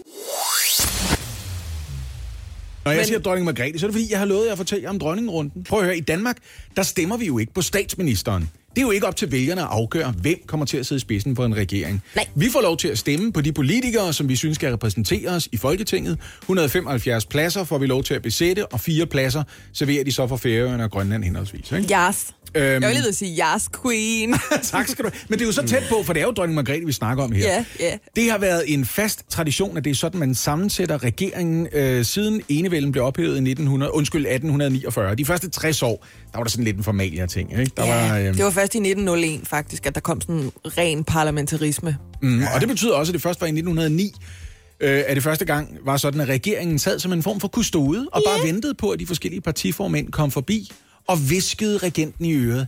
Jeg, jeg synes, at hvis nye præsident, det skal være, eller skal vi sige statsminister, øh, det kunne godt være for eksempel Mette Frederiksen. Men det var fordi, vi jeg- tænkte på, at det hed konselspræsident, indtil det kom til at hedde statsminister faktisk. Det var derfor, jeg kom til at sige det. Og før mm. dag hed det jo faktisk øh, premierminister. Ja. Nå, anyway.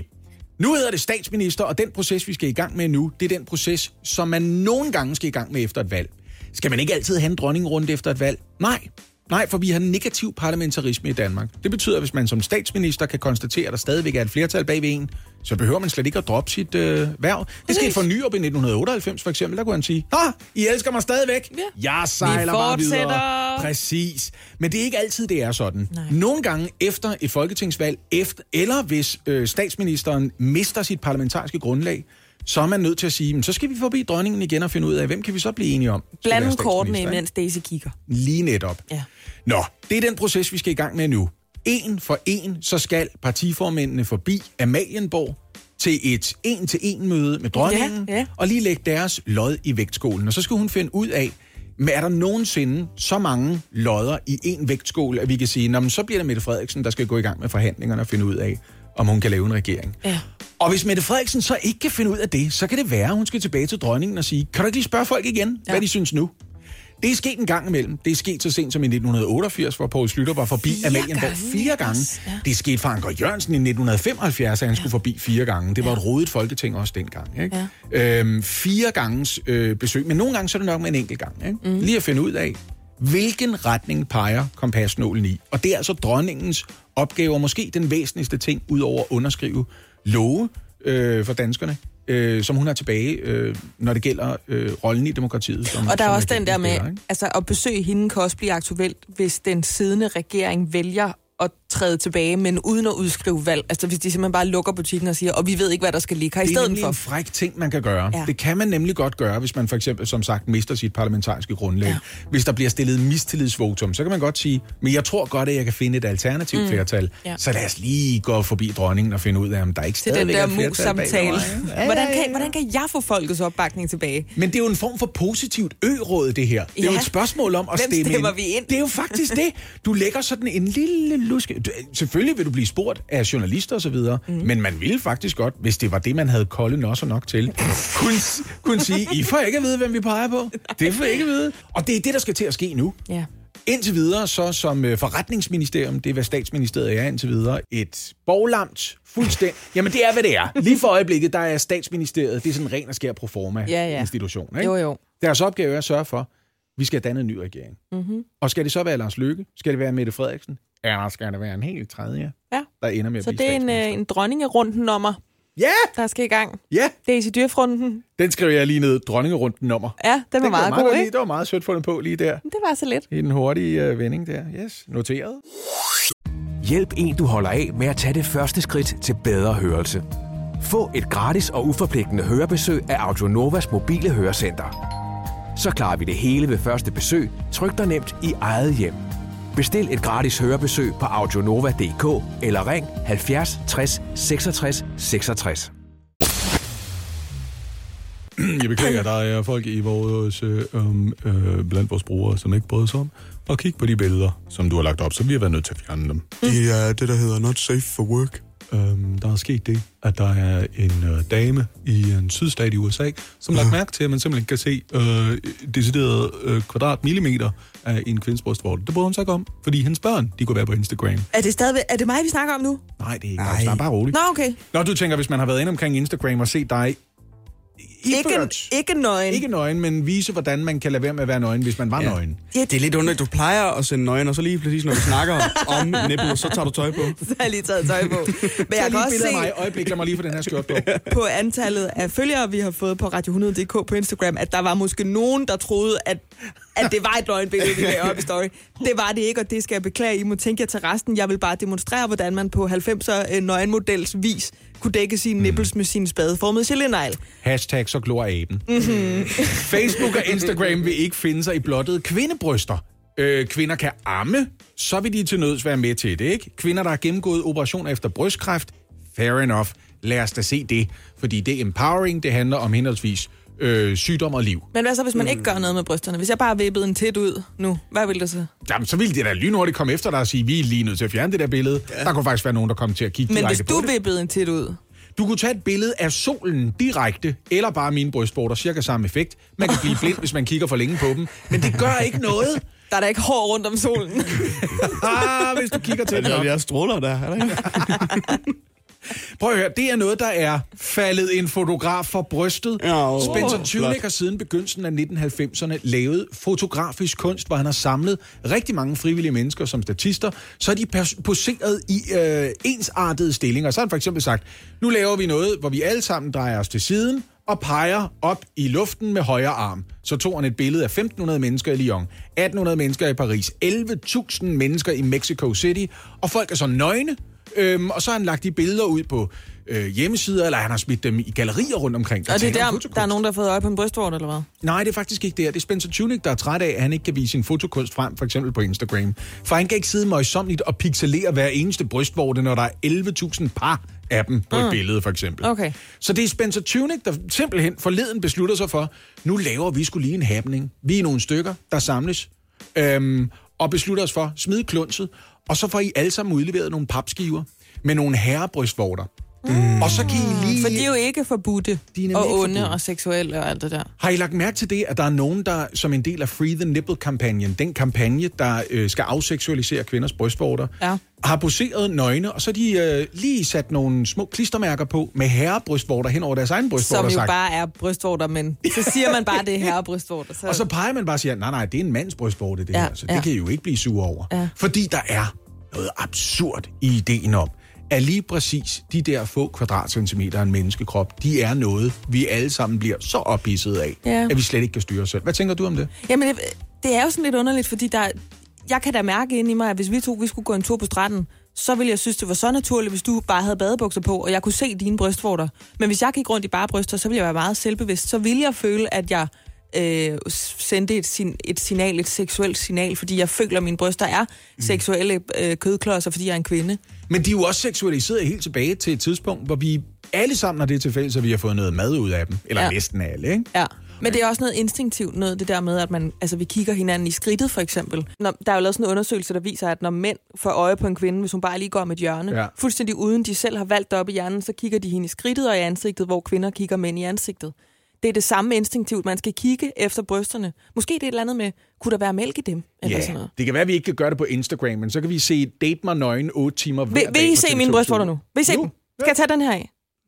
Nej. Og det er, sådan som Anne Levent fortalte dig lige for et øjeblik siden i nyhederne, i dag Mette Frederiksen begynder det benhårde arbejde med at danne en regering. Og når jeg siger, at det bliver et benhårdt stykke arbejde, så er det fordi, det er, hvad Mette Frederiksen selv anerkender. Det Ja. kommer nok til at kræve noget knoklen. Jamen, det kan godt være, at vi har haft en lang valgkamp, ikke? men jeg har også en fornemmelse af, at det her det kommer til at trække tænder ud, og det kommer til at strække sig over rigtig mange dage.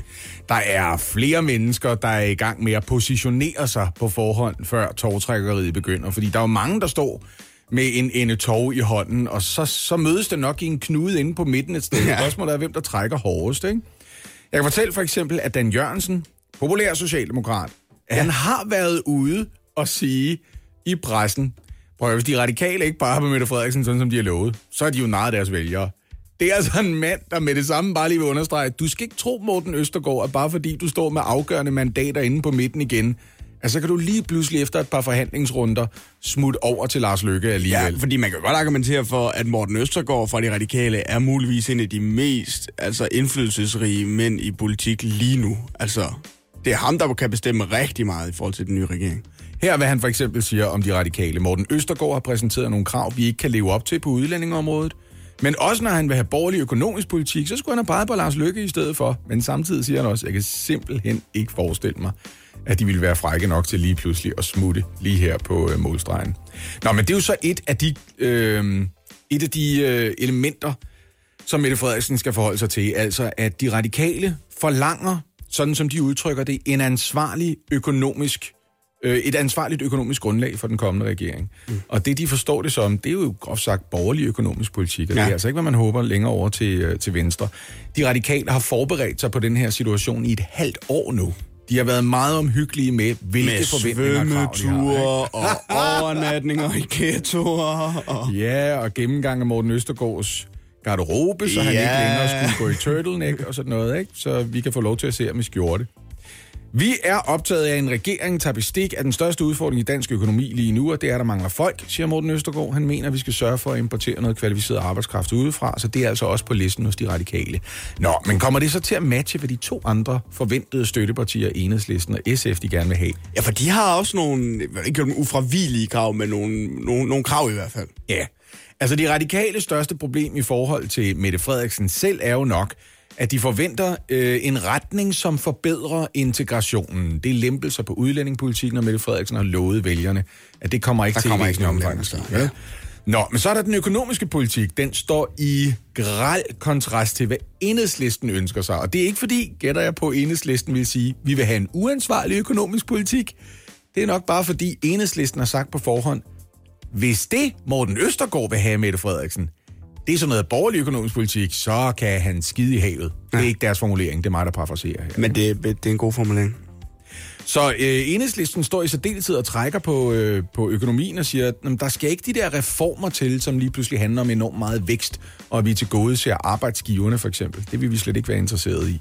Øhm, alt hvad enhedslisten siger, det er en ny regeringspolitiske kurs, den skal munde ud i et for enhedslisten acceptabelt resultat. Hvad er det så? Ja, det betyder så blandt andet, at de vil ikke have nogen af de radikales økonomiske reformkrav overhovedet. Og det var, hvad man forventede på forhånd. Ja. De vil stå og trække i hver deres retning. Ikke? Hvad så med Pia Olsen Dyr og, og uh, SF? Men det er der, det bliver ret vildt, ikke? Mette Frederiksen sagde op til valget og på valgnatten, at Socialdemokraterne går efter at danne en socialdemokratisk mindretalsregering. Ja. hvis de overhovedet har mulighed for det. Og det er det, hun vil forhandle med udgangspunkt i. Hvad vil Pia Olsen Dyr have? En flerpartiregering. En flerpartiregering. Yes, hun vil med i regeringen. Og det kan I jo også godt huske, det sad hun og sagde her hos os. Kan du huske det? Jo, det er Hun sagde, rigtigt. hun vil gerne være finansminister. Ja, Og det virker ikke som om, grøn finansminister. med cirka 4.000 personlige stemmer, så tror jeg altså ikke rigtigt, det er Henrik Sass, der satser på at få det alligevel. Vel? Nej, det er det godt nok ikke.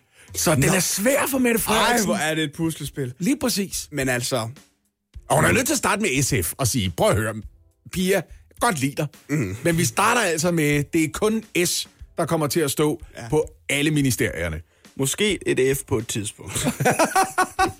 Måske et på et tidspunkt, hvis du spiller dine kort helt Ja, rigtigt. nemlig. Ved du hvad, de er langt fra hinanden indtil videre. Og det, de har, der knytter dem sammen, det er, at under valgkampen og på valgnatten, der har alle fire partier været enige om at sige højt og klart og tydeligt til os vælgere, Mette Frederiksen som statsminister. Mm. Og så vil det bare vise sig, Hvad vil de, det, vil de det nok, Oliver? Ja, det er nemlig det. Og det er først lige startet i dag. Altså, det starter først i dag. Det her, det er sådan et skakspil, hvor der bliver rykket to brikker om dagen, eller sådan noget. Jamen, det kommer vi til at følge Men rigtig altså, godt med på. de har Lars' nummer. Ja. Kan I huske, hvordan vi i valgkampen øh, var omkring kampagnen Alt at vinde, stem på, på en, en kvinde. kvinde.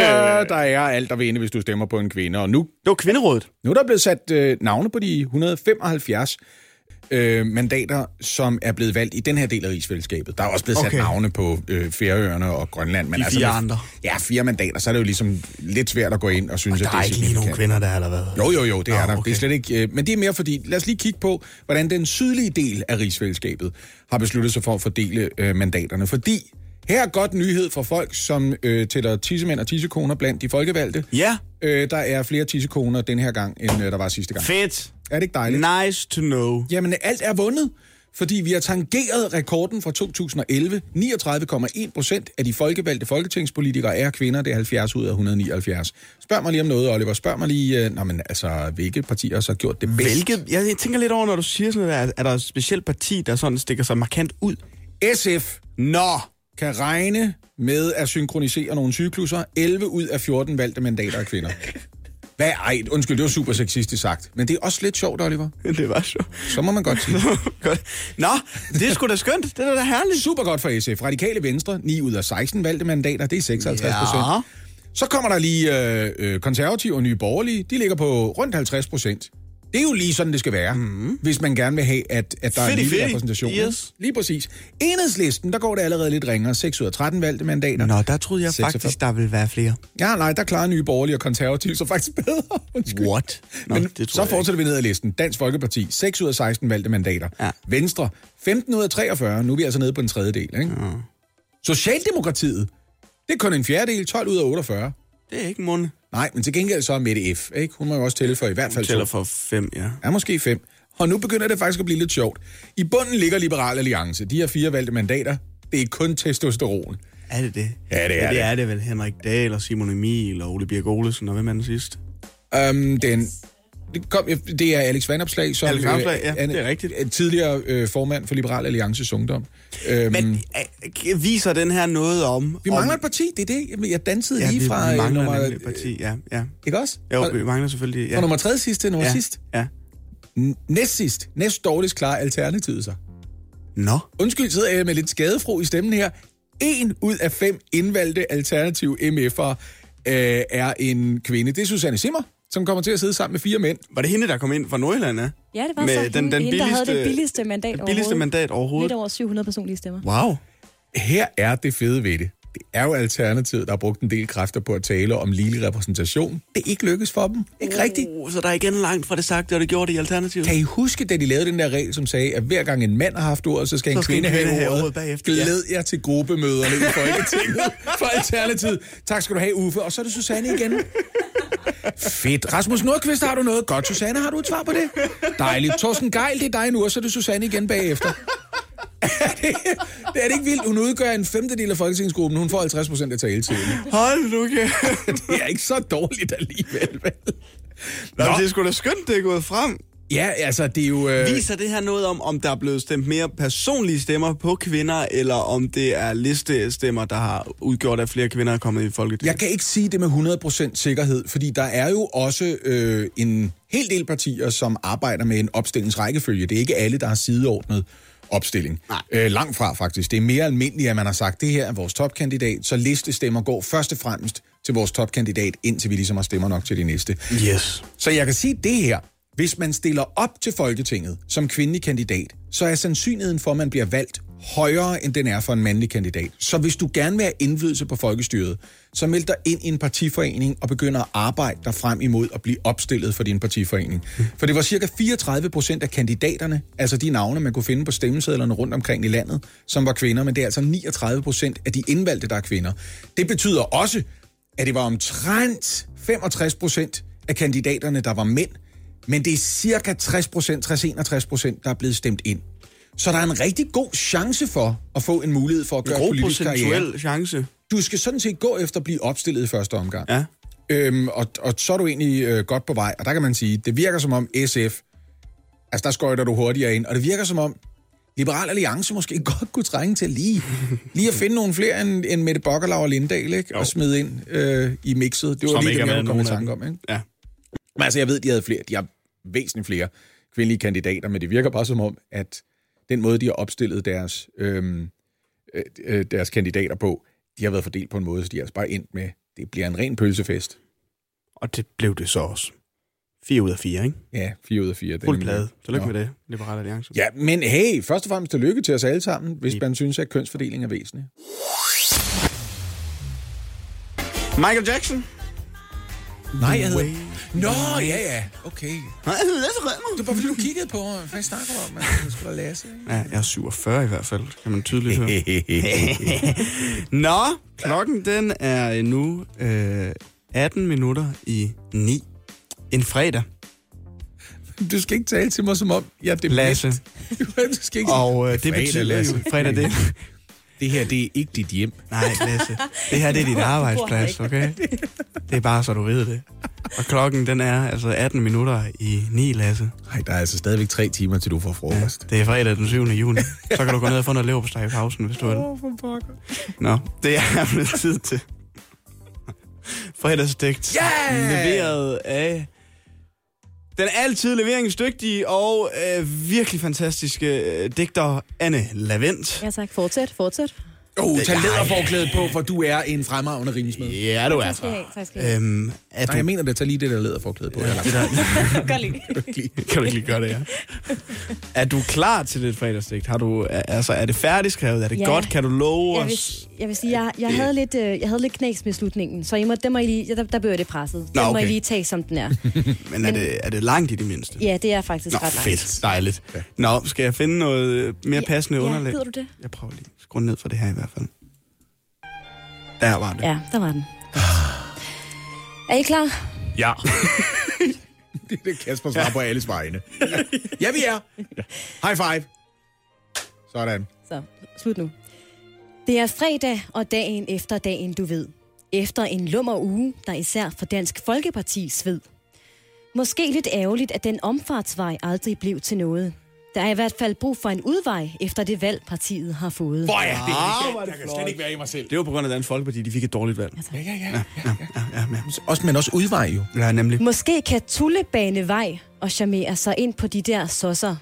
Det er Tullebanen, ja. men også Banevej. Mere kul på, Tulle, og så pyt med alle de der klimatosser. Ej, det er fordi Pia Det- kaldte den Men for det er også kul på. EP-valget. Men så er der Ja. også kul på, Ja. fordi det er jo sort energi. Ja. Fordi det handler om klimaet, ikke? Nu stopper vi. Men som Pia Kærsgaard siger, så tager flertallet af danskerne ikke fejl. Hele det politiske Danmark er blevet venstredrejet. Lidt ligesom huset på den der sære snegl. Ah, Kasper, den er til dig. Nu er vi i gang igen, det skulle lige vide, Anne. Vi er lige i gang. Nu stopper Ja. vi igen. Morten Østergaard er endt som kongemager. Og Frederiksen prøver at kassere det seneste regeringssamarbejde med R under glemte sager. Men i sin våddragt kommer han til at svømme i rørte vande som en glat ål i rullekrave. Lars Lykke derimod foretrækker at bygge bro over til partierne, der har rød farve. Ah, men det er jo ikke et tilfælde, at det er så godt hver gang. Det er, det er jo... Wow. På den måde får han heller ikke våde sko. Dem kan han ellers få et par nye af for omkring 2.000 kroner, vil jeg tro. Oh, burn! Nå, men er du nede med det, med det, lød spørgsmålet fra Lykke. Men hun virker tvær. Held og lykke, lykke. Den bliver nok lidt SVR. Jeg så godt, hvad du gjorde. Ja, kan- Flot! Det samme er situationen i LA, hvor Anders Samuelsen endte med at give slip. Han landede med hovedet først, som et mislykket bottleflip. For landets mest kompetente udenrigsminister var nederlaget ikke til at fjerne. Det kunne ikke engang en radiatorskjuler til 50.000 hjælpe med at skærme. Det er fordi, på hans kontor, ikke? Der har han godt, jeg ved det godt, ja. Ja. Måske han skulle prøve en beroligende kop kakao. De stålsatte blå øjne blev en smule våde. Det var virkelig ikke sjov. Men han var også trist. Han var trist. Det er rigtigt. Nå. Anne græd også lidt. Ja, det gør jeg faktisk. Nå, men mens Liberal Alliance fik sig en omgang stemmetisk, så er der andre, der vil blive lykkelige for en omgang valgflæsk. Rundt omkring i verden er der nemlig stadig børn, der sulter, mens vi andre spiser skumfidus og vingummisut. Derfor sender vi en opfordring om at give dit fredagsslik videre, i stedet for at proppe det ned i din trut. En sms med teksten slik til 1900 giver 48 kroner til sultne børn. Så sparer du også selv de kalorier, så send nu den sms for Søren. Hvor var det fint. Anne Lavendt. Tak skal I have. Gang på Jeg gang har gåsehud. på Jeg har faktisk bogstaveligt talt gåsehud Ja. lige nu. Wow, hvor er det simpelthen øh, Men, en men jeg mente det. Slik 1900. Send den nu. 48 kroner støtter du med. Morgen på Radio 100 med mig, Britt Maria Nielsen, Lasse Remmer og Oliver Routledge.